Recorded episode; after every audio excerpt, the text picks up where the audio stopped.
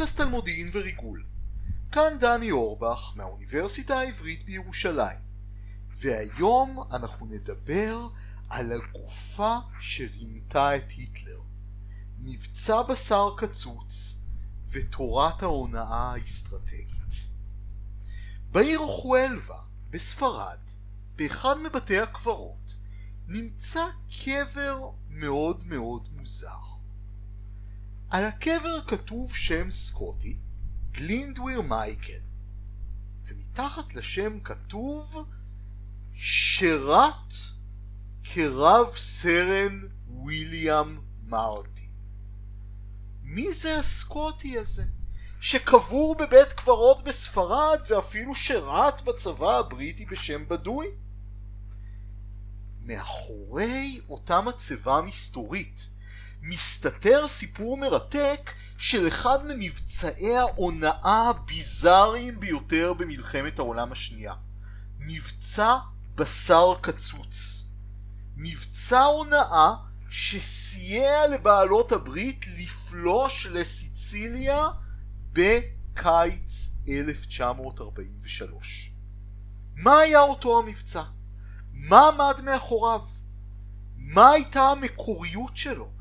מה זה בכלל הונאה אסטרטגית? מהי הונאה? על כל הנושאים הללו אנחנו נדבר בפרק הנוכחי של סוכן משולש. ראשית כל, אנחנו צריכים לדבר על הנושא שלנו. אנחנו הגדרנו את המושג, או הזכרנו את המושג הונאה, צריך להגדיר מה זה, וההגדרה תהיה על יסוד הדיון שלנו בפרק הקודם על הפתעה אסטרטגית. הפתעה אסטרטגית היא פעולה, אני מזכיר לכם, שהמטרה שלה היא לקצר את טווח הזמן שבו הצד השני יכול להגיב. ודיברנו על מספר דוגמאות בפעם שעברה, מבצע ברברוסה, פרל הרבור, מלחמת יום כיפור, ראינו שבכל אחד מהמקרים האלה הפתעה אסטרטגית נגרמה בגלל סיבה שונה. אחת מהתיאוריות שהשתמשנו בהן כדי להסביר את מושג ההפתעה האסטרטגית היא תיאוריית האותות והרעש של רוברטה וולדשטטר. לפי התיאוריה הזאת שתהיה קרש הקפיצה שלנו לדיון בהונאה, מדינות מופתעות הרבה פעמים מהתקפה, סופגות הפתעה אסטרטגית מפני שבזמן אמת קשה מאוד להבדיל בין מידע אמיתי, אותות, ומידע לא רלוונטי או שקרי שסובב אותו, רעש. בזמן אמת קשה להפריד בין האותות והרעש, רק בדיעבד אנחנו יודעים מה היה נכון. ואנחנו דיברנו על התיאוריה הזאת במיוחד בהקשר של פרל הרבור, אבל גם בהקשר של הפתעות אסטרטגיות אחרות. אבל מה קורה שהצד התוקף, הצד שמעוניין להפתיע אותנו, לא מסתפק בזה שכמו בכל מצב טבעי יש אותות ויש רעש, אלא מנסה לערוך במצב הזה מניפולציה. למשל, אם מצרים רוצה לתקוף את ישראל במתקפת פתע, היא תעשה הכל כדי להסתיר את המתקפה הזאת. כלומר, לוודא שבתוך הרעש יהיו פחות, כמה שפחות אותות, שישראל תקבל כמה שפחות מידע אמיתי על המתקפה. הסתרה, כלומר, זאת פעולה שמטרתה להפחית את, מספ... את כמות האותות בתוך הרעש. לעומת הסתרה, הונאה, ובמיוחד הונאה אסטרטגית, היא פעולה שמטרתה ליצור כמה שיותר רעש כדי לבלוע בתוכו את האותות. גם ליצור מידע לא רלוונטי שיבלבל את האויב וימנע ממנו להבחין במידע האמיתי, אבל עוד יותר מזה, ליצור מידע שקרי שיבלבל אותו. כי לא נכון שיתחפש לאותות. ליצור במילים אחרות אותות מזויפים.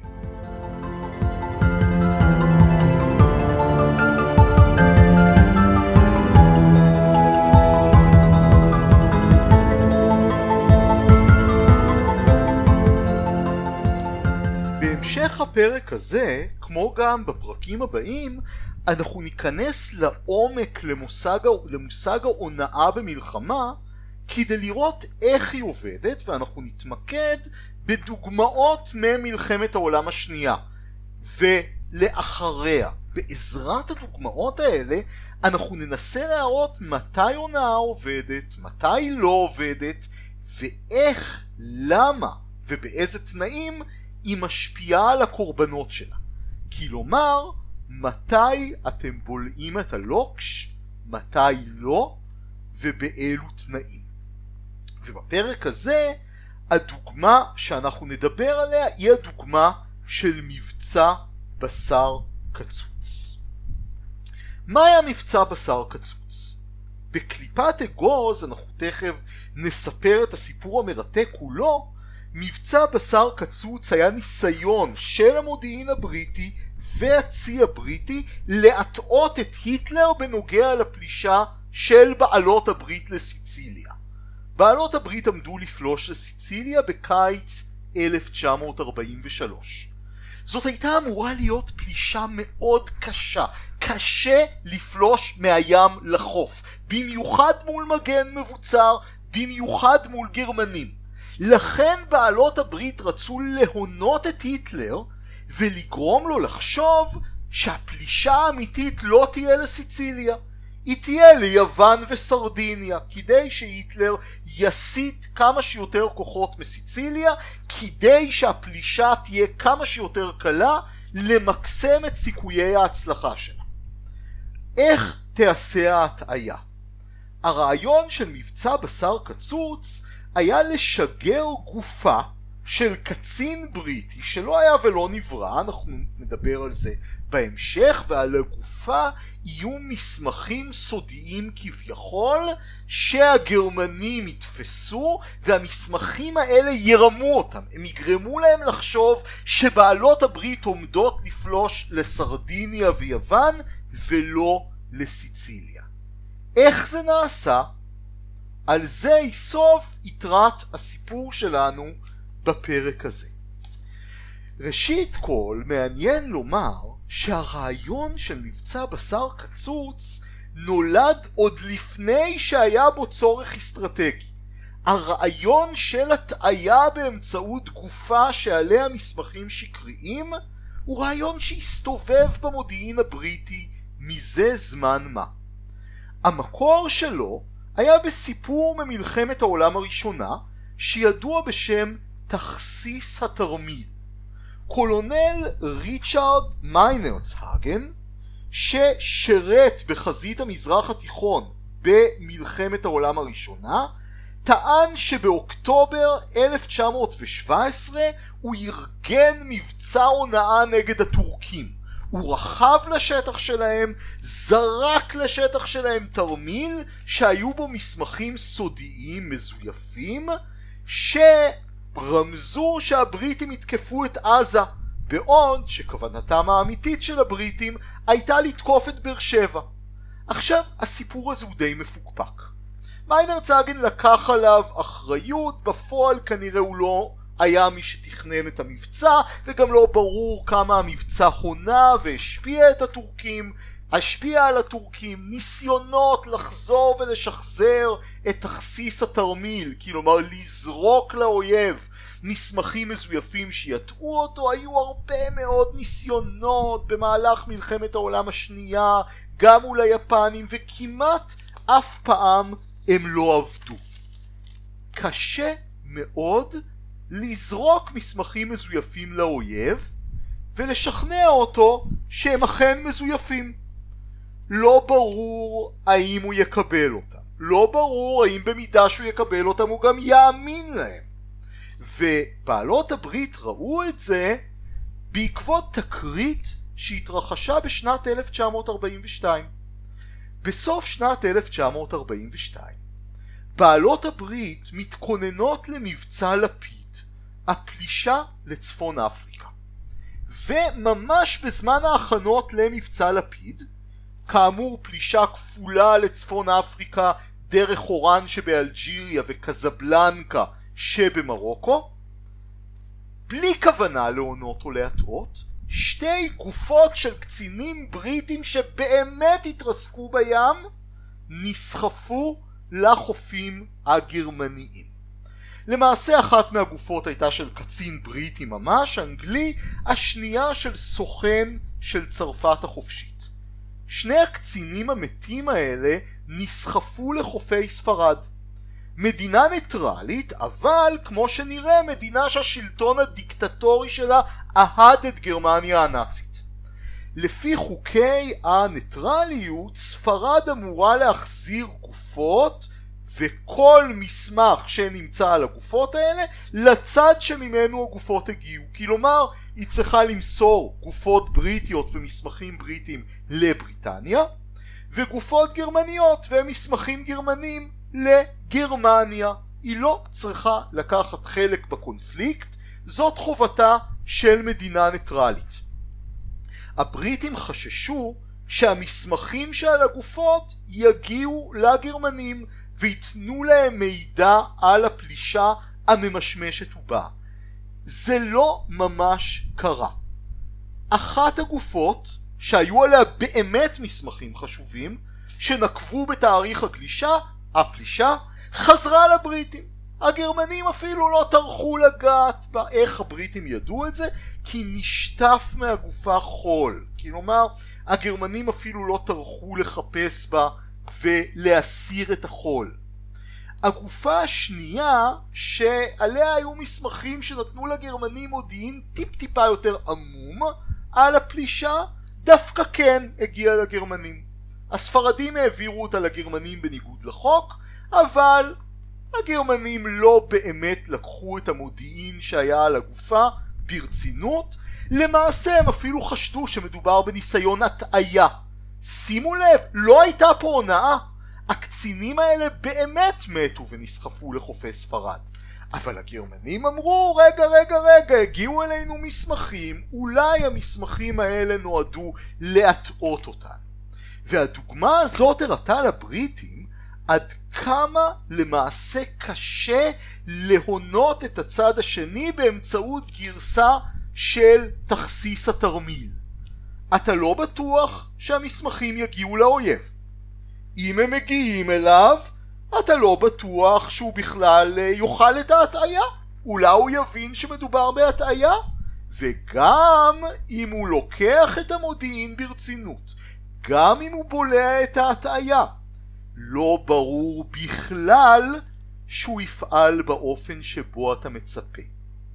למעשה זו גרסה של בעיות שדיברנו עליהן רבות במהלך הפודקאסט גם בנוגע למעגל המודיעין, גם בנוגע לכשלי חשיבה, גם בנוגע לאופן שבו קוגניציה עובדת, גם באופן שבו אתה קורא את הצד השני. קשה לך לחדור להלך המחשבה של הצד השני, ואפילו אם הוא יבלע את ההטעיה שלך, קשה לך לנחש מה הוא בדיוק יעשה.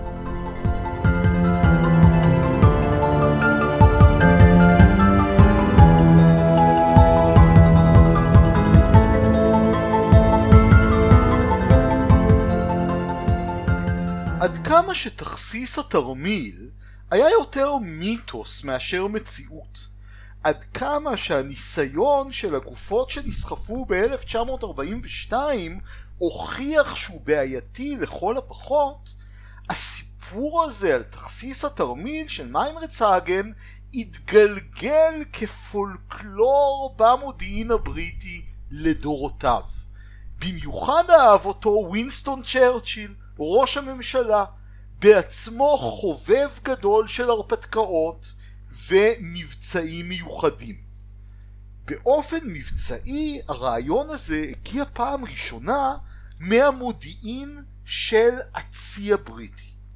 מפקד המודיעין של הצי, אדמירל ג'ון גודפרי, ריכז בחדר באדמירלות שנקרא חדר 39 כל מיני מוחות מבריקים, אנשים שהם לא מהמערכת הצבאית, שהתפקיד שלהם היה לחשוב מחוץ לקופסה.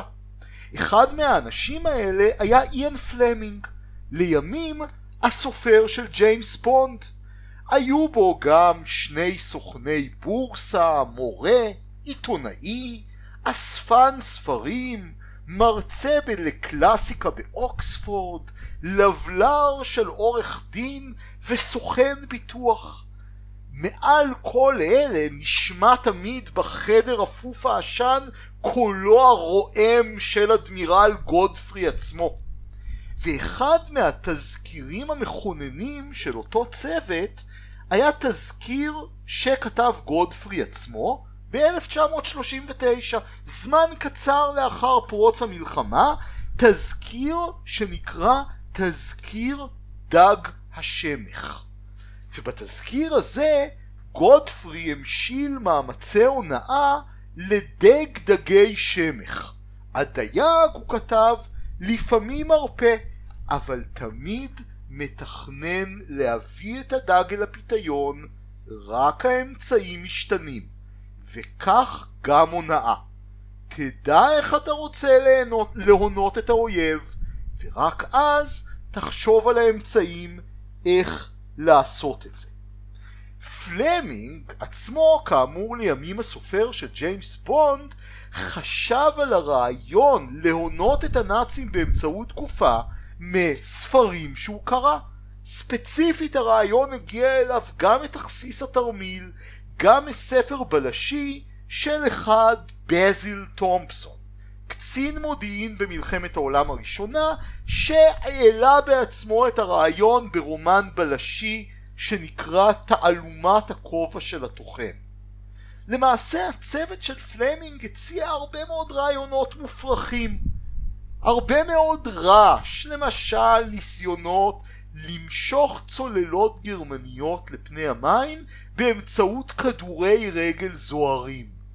לתת לחיילים גרמנים להשית להם אוכל לספינות שלהם ובתוך האוכל יהיה פצצה. כל מיני רעיונות מופרכים. אבל הרעיון הספציפי הזה של להונות את הנאצים באמצעות גופה הוא רעיון שתפס. קצין מודיעין צבאי בשם צ'ארלס כריסטופר צ'ולמונדלי, איש ביון אקצנטרי, שמע על הרעיון ונדלק עליו. כל הדברים השתלבו ביחד.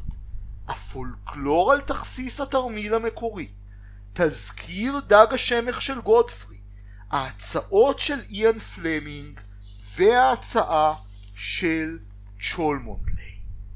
ב-1942 צ'ולמונדלי מקדם את הרעיון.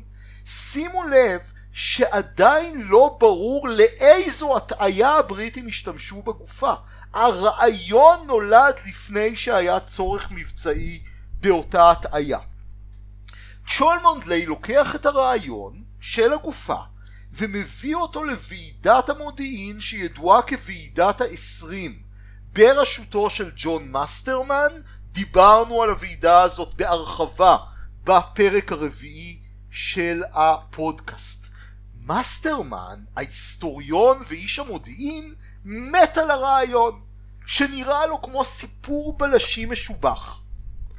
כדי להטעות את הגרמנים, הבריטים לא רק ישלחו גופה, ולא רק ישימו על הגופה הזאת מסמכים מזויפים, הם ישתלו על הגופה רמזים, והרמזים הללו ייתנו לגרמנים עצמם לפענח את התעלומה רמז אחרי רמז, אבל רק באופן שהבריטים ירצו שהם יפענחו אותה.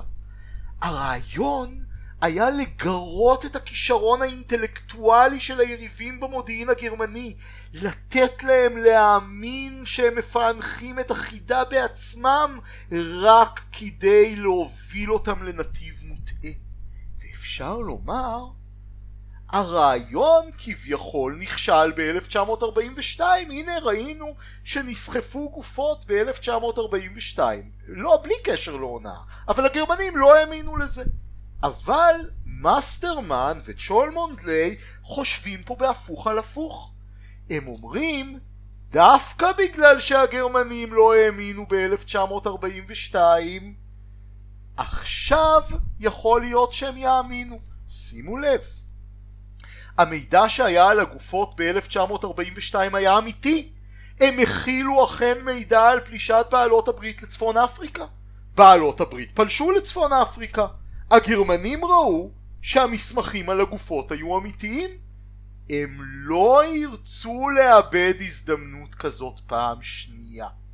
כלומר, בפעם הבאה שיגיעו מסמכים על גופות, הם יאמינו להם כדי לא לפספס הזדמנות נוספת. זה היה אולי אחד מהרעיונות המבריקים ביותר במבצע בשר קצוץ, הבנה מעולה לאופן שבו הונאה עובדת. כדאי לך להונות את היריב באמצעות משהו שהיריב יודע שפעם הוא היה אמיתי.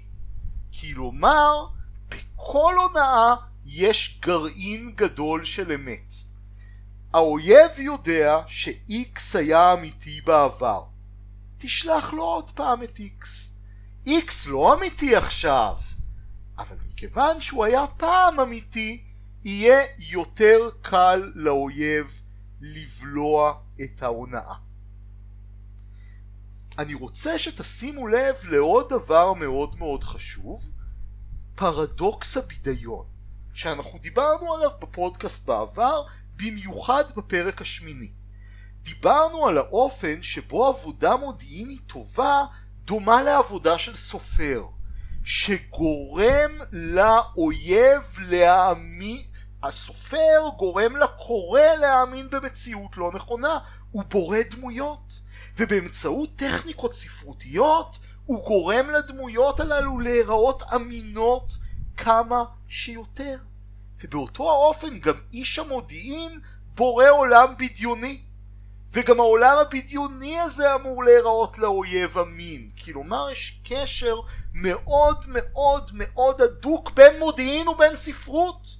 אבל, ואני חוזר על מה שדיברנו עליו בפרק השמיני, מה שנראה לך אמין, סיפור בדיוני שנראה לך אמין גם לצד שלנו, גם לאויב, מושפע מאוד מהספרות שאנחנו קוראים. ואנחנו ראינו את זה פה. איאן פלמינג לקח את הרעיון מספר בלשים שהוא קרא.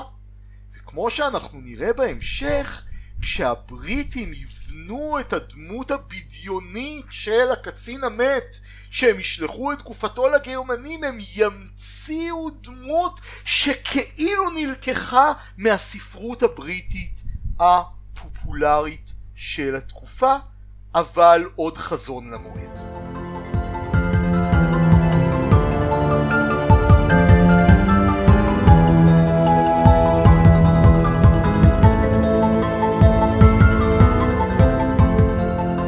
עד עכשיו דיברנו על רעיון ההונאה, אבל פחות דיברנו על הצורך האסטרטגי שהוא נועד לשרת. והצורך הזה היה מבצע הסקי, פלישת בעלות הברית לסיציליה ב-1943. דרך אגב, מבצע הסקי, אה, תנו לי לתקן טעות נפוצה, זה לא הכלב הסקי, המשמעות זה מבצע גברתן. הפלישה לסיציליה הייתה למעשה פשרה בין חזונות אסטרטגיים שונים של מנהיגי בעלות הברית. בעוד נשיא ארצות הברית רוזוולט רצה פלישה ישירה לאירופה דרך צרפת, צ'רצ'יל העדיף לנקוט בגישה עקיפה, להתקיף את הגרמנים דרך הבטן הרכה שלהם בבלקנים. הפלישה לסיציליה, מבצע הסקי, היה סוג של פשרה בין שני החזונות. לפלוש לסיציליה כמהלך מקדים לפלישה ישירה לאירופה. ההיגיון האסטרטגי של מבצע הסקי היה שפלישה לסיציליה תוכל להוציא את איטליה מהמלחמה ולהגיע ללב הרייך השלישי דרך אוסטריה. אבל גם מעבר למטרה האסטרטגית היותר רחוקה הזאת, היה במבצע הסקי מטרה יותר מיידית. לנטרל את בסיסי האוויר הגרמניים בסיציליה שעשו שמות בשיירות הבריטיות בים התיכון ובעיקר ממטוסים שהמריאו ממלטה. היה צורך דחוף לנטרל את בסיסי האוויר האלה וגם לכן המבצע, מבצע הפלישה לסיציליה היה מאוד נחוץ מבחינה אסטרטגית. סיציליה הייתה יעד מאוד קשה לכיבוש. כמו שכבר אמרתי, החפה, פלישה מהים נגד אויב מבוצר, היא תמיד דבר קשה, מכיוון שאתה אמור לשנע בים כוחות גדולים מאוד מול התנגדות ימית, יבשתית ואווירית כאחד. לפי המודיעין של בעלות הברית, בסיציליה היו שבע עד שמונה דיוויזיות רגלים גרמניות מגובות בכוח אווירי וימי. ואם הגרמנים חס וחלילה ידעו על הפלישה, הם יוכלו להביא כוחות מצרפת שבינתיים היא שקטה ולרסק אותה. לכן היה כל כך חשוב להטעות את הגרמנים, שלא ידעו שסיציליה היא מטרת הפלישה העיקרית. לצורך זה בדיוק נועד מבצע הסחה שנקרא מבצע ברקלי. מבצע ברקלי היה מבצע הונאה שכאמור נועד לשכנע את הגרמנים שסיציליה היא רק התקפת הסחה, יעד משני. אבל המבצע הזה היה מאוד קשה.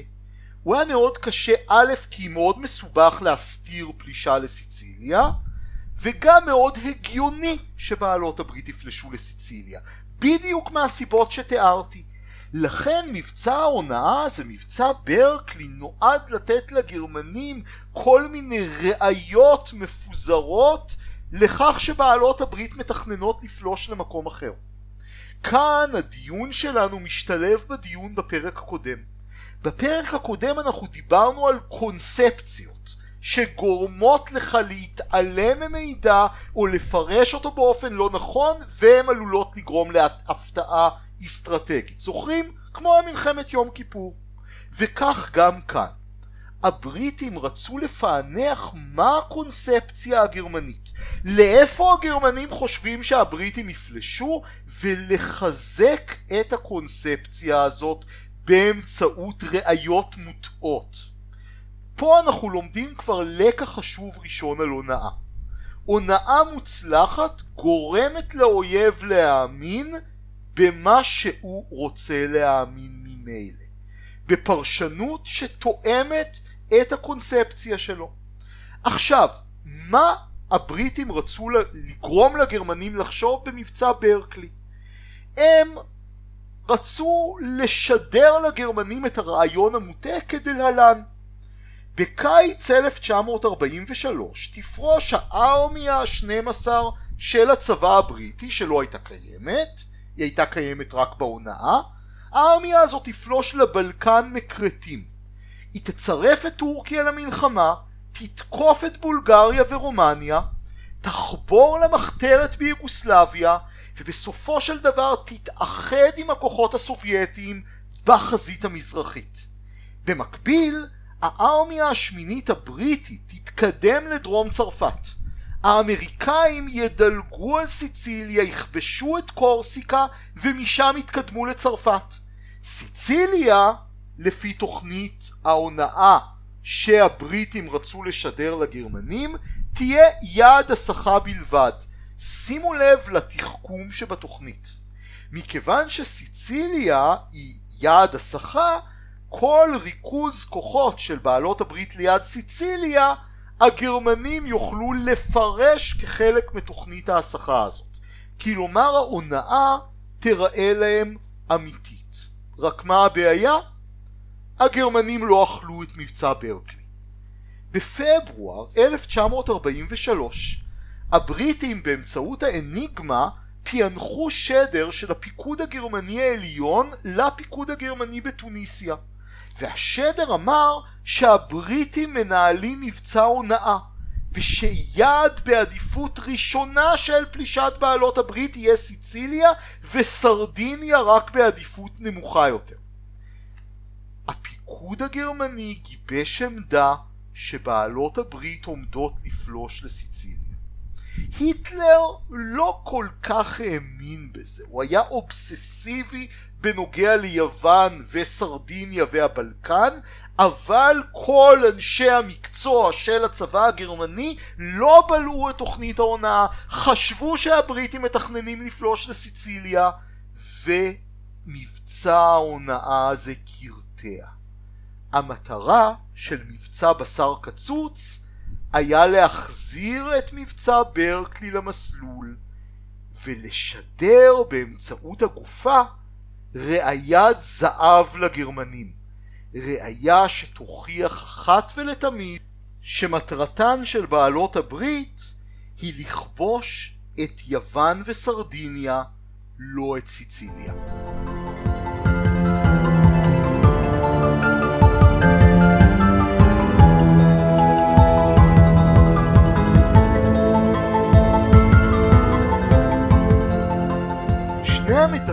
של המבצע, שזכה לשם המקאברי בשר קצוץ, היו צ'ולמונדלי, שכבר הזכרנו, ועורך דין יהודי אריסטוקרטי שעבד במודיעין הבריטי בשם יואן מונטגיו.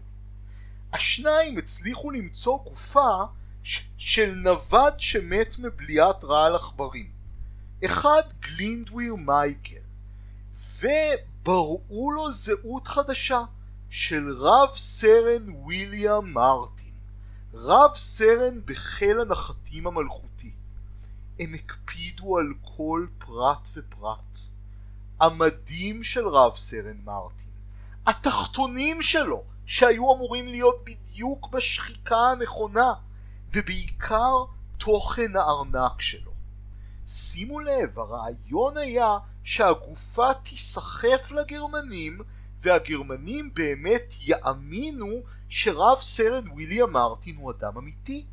כדי שהם יוכלו לקרוא ולהאמין במסמכים המזויפים.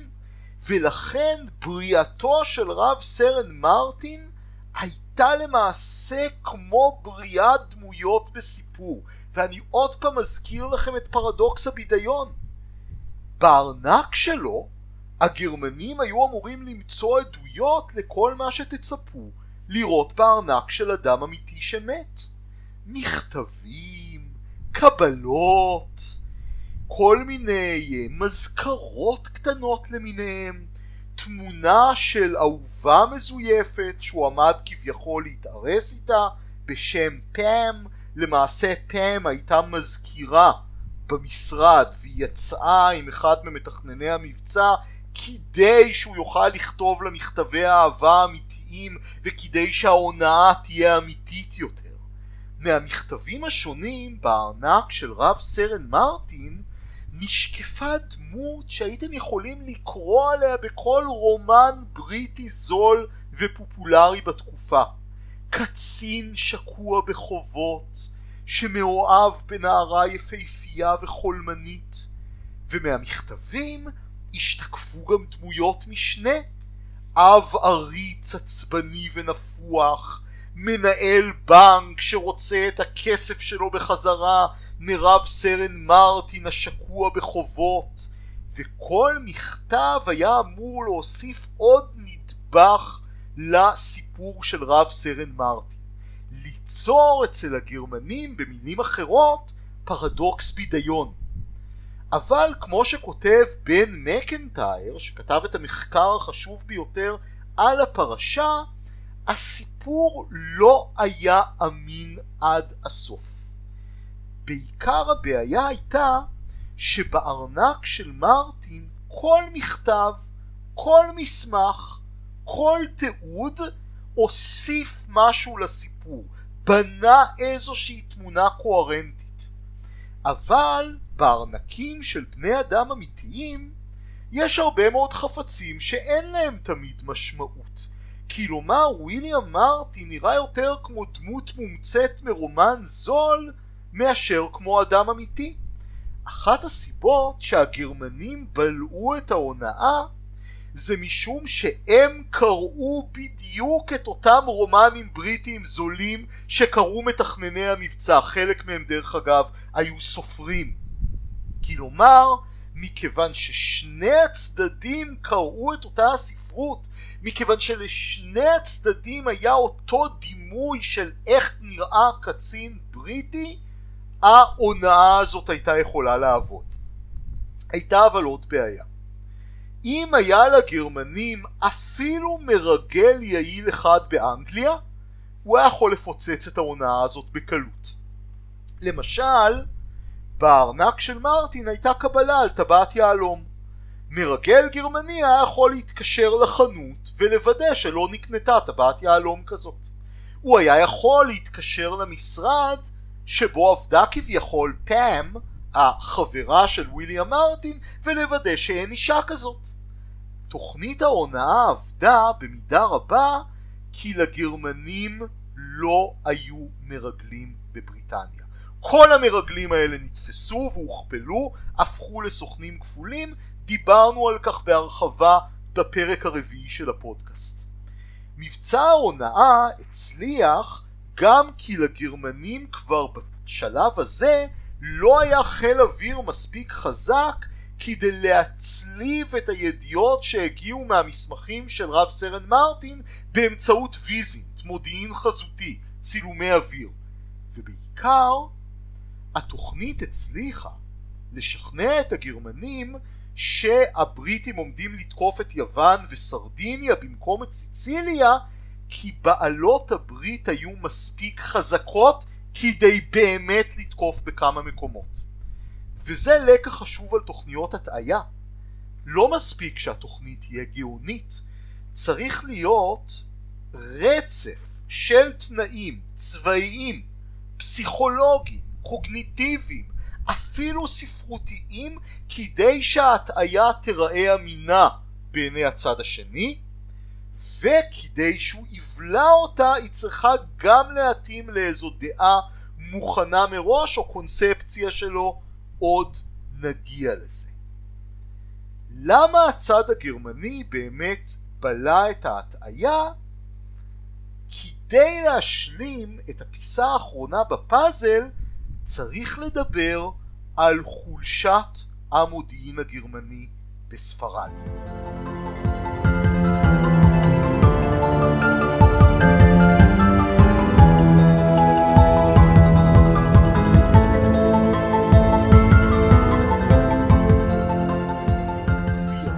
של רב סרן ויליאם מרטין הבדוי שוחררה על ידי הבריטים באמצעות צוללת ונסחפה לחופי ספרד.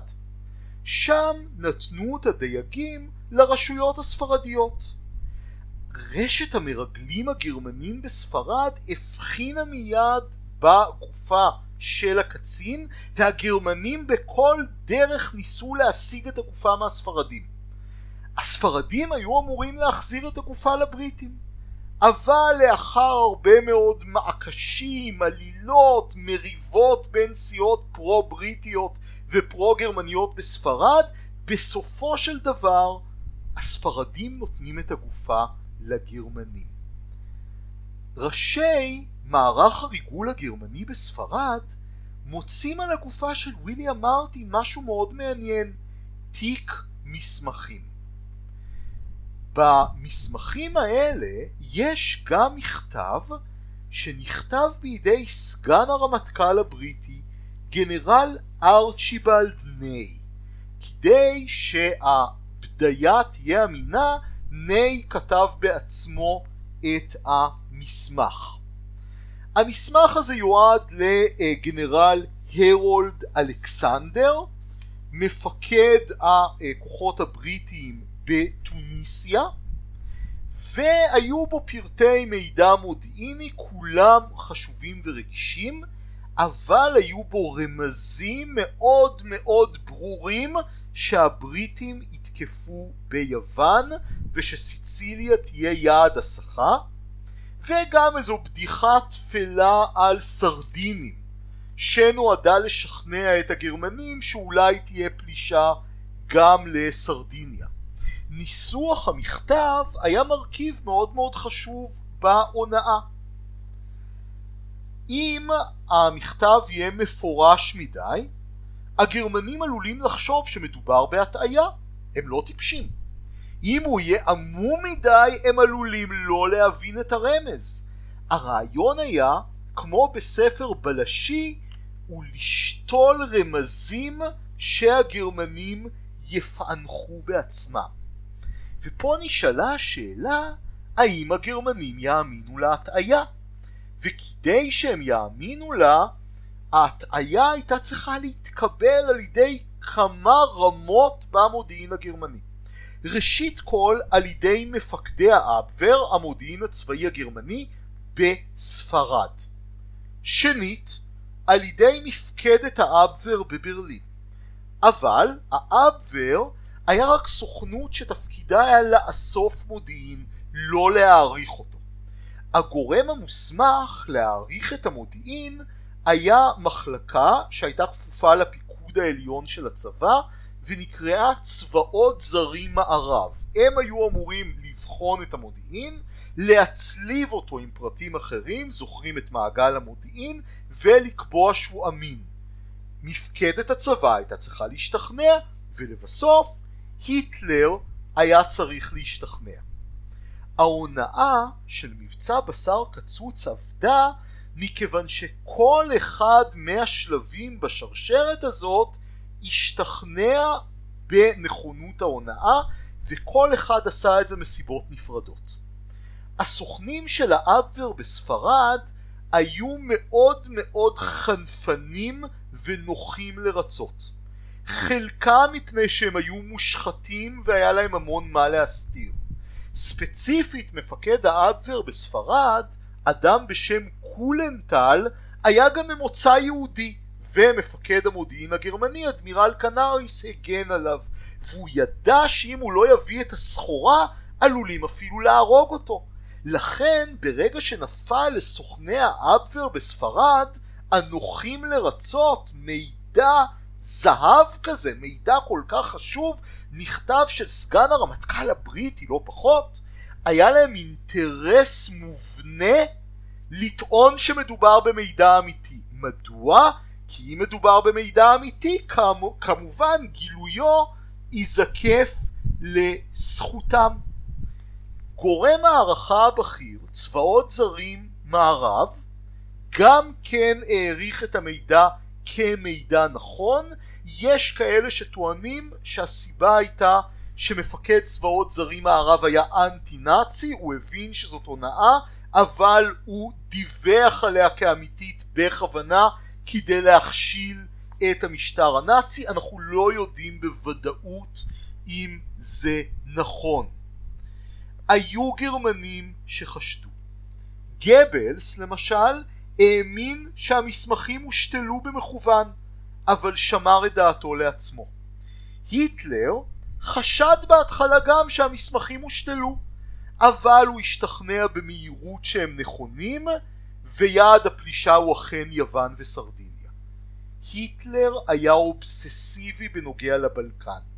הקונספציה שלו מראש הייתה שבעלות הברית יתקפו את יוון וסרדיניה, הוא קיבל את דעת המומחים בצבא קודם שיעד ההתקפה יהיה סיציליה, אבל מרגע שנחתה לו ידיעת זהב כזאת, המכתב של סגן הרמטכ"ל הבריטי, ידיעה שבאמצעות הטיית האישוש שדיברנו עליה לפני שני פרקים, אישרה את מה שהוא חשב ממילא מבחינה פסיכולוגית, להיטלר היה אינטרס להאמין שהמכתב נכון. הונאה עובדת כשהיא מאששת קונספציה שקיימת ממילא. הונאה עובדת כשהיא מאשרת מה שאתה ממילא רוצה לחשוב. הדבר החשוב ביותר, ברגע שהגרמנים בלעו את ההונאה, הרי שבהתאם לכשלים הקוגניטיביים שאנחנו דיברנו עליהם כבר לפני שני פרקים, במיוחד הטיית האישוש, הנחת המבוקש, כל פיסת מידע נוספת שהתקבלה אישרה את הקונספציה שלהם. הבריטים התחילו לשתול במכוון רמזים שסיציליה היא רק הסחה והם עומדים לתקוף ביוון וסרדיניה. למשל דיפלומטים בריטים התחילו לפטפט על זה במסיבות קוקטייל, כשהם ידעו שיש מרגלים גרמנים בסביבה. גם יתר מרכיבי ההונאה של מבצע ברקלי המשיכו, הבריטים למשל העסיקו הרבה מאוד מתורגמנים ליוונית כדי להונות את הגרמנים, לגרום להם לחשוב שהפלישה תהיה ליוון. תבינו את הגאונות שבעניין. מבצע בשר קצוץ אינו מספיק, הגרמנים רצו לאשש את המידע, אבל ברגע שהם כבר האמינו בנכונותו של המידע המזויף, הטיית האישוש גרמה לכך שכל מידע מזויף נוסף שהגיע מהבריטים אישש את מה שהגרמנים האמינו בו ולכן התקבל כאמיתי. הונאה מולידה הונאה. כשל קוגניטיבי אחד מוליד כשלים קוגניטיביים אחרים כמו במעגל מחושף. ברגע שהשתכנעת שההונאה נכונה אז ככל הנראה יהיה קל להונות אותך בהמשך בגלל הטיית האישוש. מה הייתה ההשפעה של מבצע בשר קצוץ? הגרמנים אכן תגברו את יוון על חשבון סיציליה ובכך סייעו להצלחת הפלישה של בעלות הברית. זה לא נגרם רק בגלל מבצע בשר קצוץ. היטלר כאמור ממילא היה אובססיבי לבלקן יש כאלה שטוענים שזה קשור גם לחזית המזרחית ולכישלון האופנסיבה בקורסק אבל אין ספק שמבצע בשר קצוץ היה מרכיב מרכזי בהונאה של הגרמנים ובכך הוא קנה את מקומו כאחד ממבצעי ההונאה המוצלחים ביותר של מלחמת העולם השנייה. הנווד הסקוטי גלינדיור מייקל שהוסווה בתור רב סרן ויליאם מרטין נקבר בספרד ועל קברו כתוב כאמור גלינדוויר מייקל שירת כרב סרן ויליאם מרטין ועל האופן שבו עבדה ההונאה של בעלות הברית גם לאחר מבצע אסקי על האופן שבו היא תפקדה באופן מכריע בפלישה לנורמנדי וסייעה לניצחון במלחמה ועל המנגנונים הנוספים שמסייעים להונאה אסטרטגית לעבוד על כל אלה אנחנו נדבר בפרק הבא. כאן דני אורבך מהחוגים להיסטוריה ולימודי אסיה באוניברסיטה העברית. האזנתם לסוכן משולש, פודקאסט על מודיעין וריגול, להתראות בשבוע הבא.